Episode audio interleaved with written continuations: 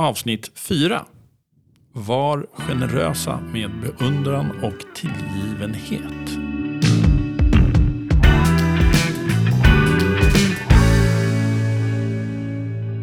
Är det här vårt liksom smashläge, det här vi är bäst på eller? Ja, vi gör en del bra, men eh, man kan alltid bli bättre. Mm. Vad, vad betyder det här då? Beundran och tillgivenhet? Eh, vad fin du är i håret, eller? Nej, det tror jag. Det kan det väl också vara, men, men det handlar väl snarare inte riktigt på den nivån. Va? Det måste ju vara någonting annat. Djupare, lite.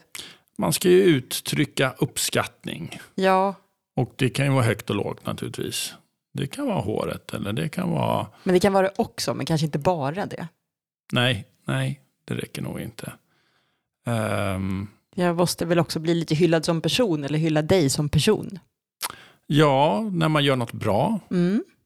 Eh, när man kanske gör något bra eh, med barnen. Mm. Alltså, jag tyckte du gjorde det där jättefint med grabbarna när ni bråkade eller när, ni, när du gav dem beröm. Eller, Mm. Så att hur, hur man agerar i viktiga situationer. Mm. Är tacksamhet också en del av det här? Ja, eh, absolut. Mer tacksamhet.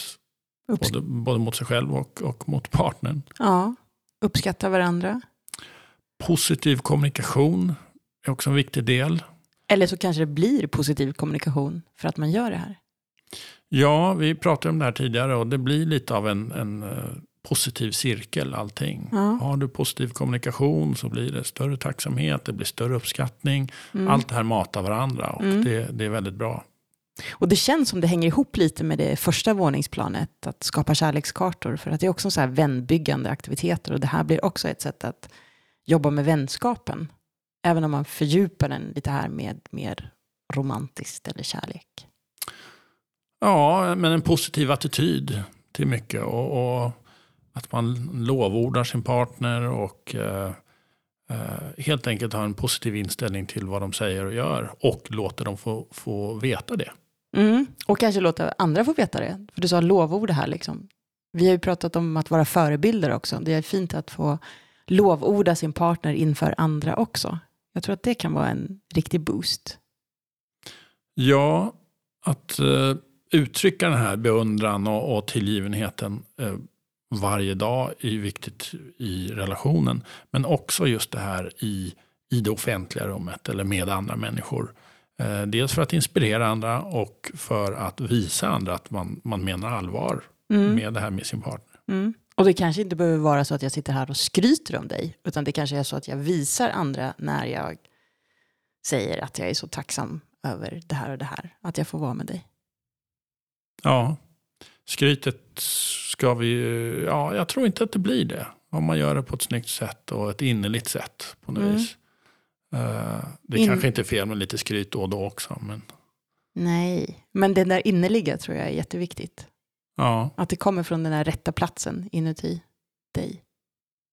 Mm. Att det är ärligt och sant och innerligt. Och över tid.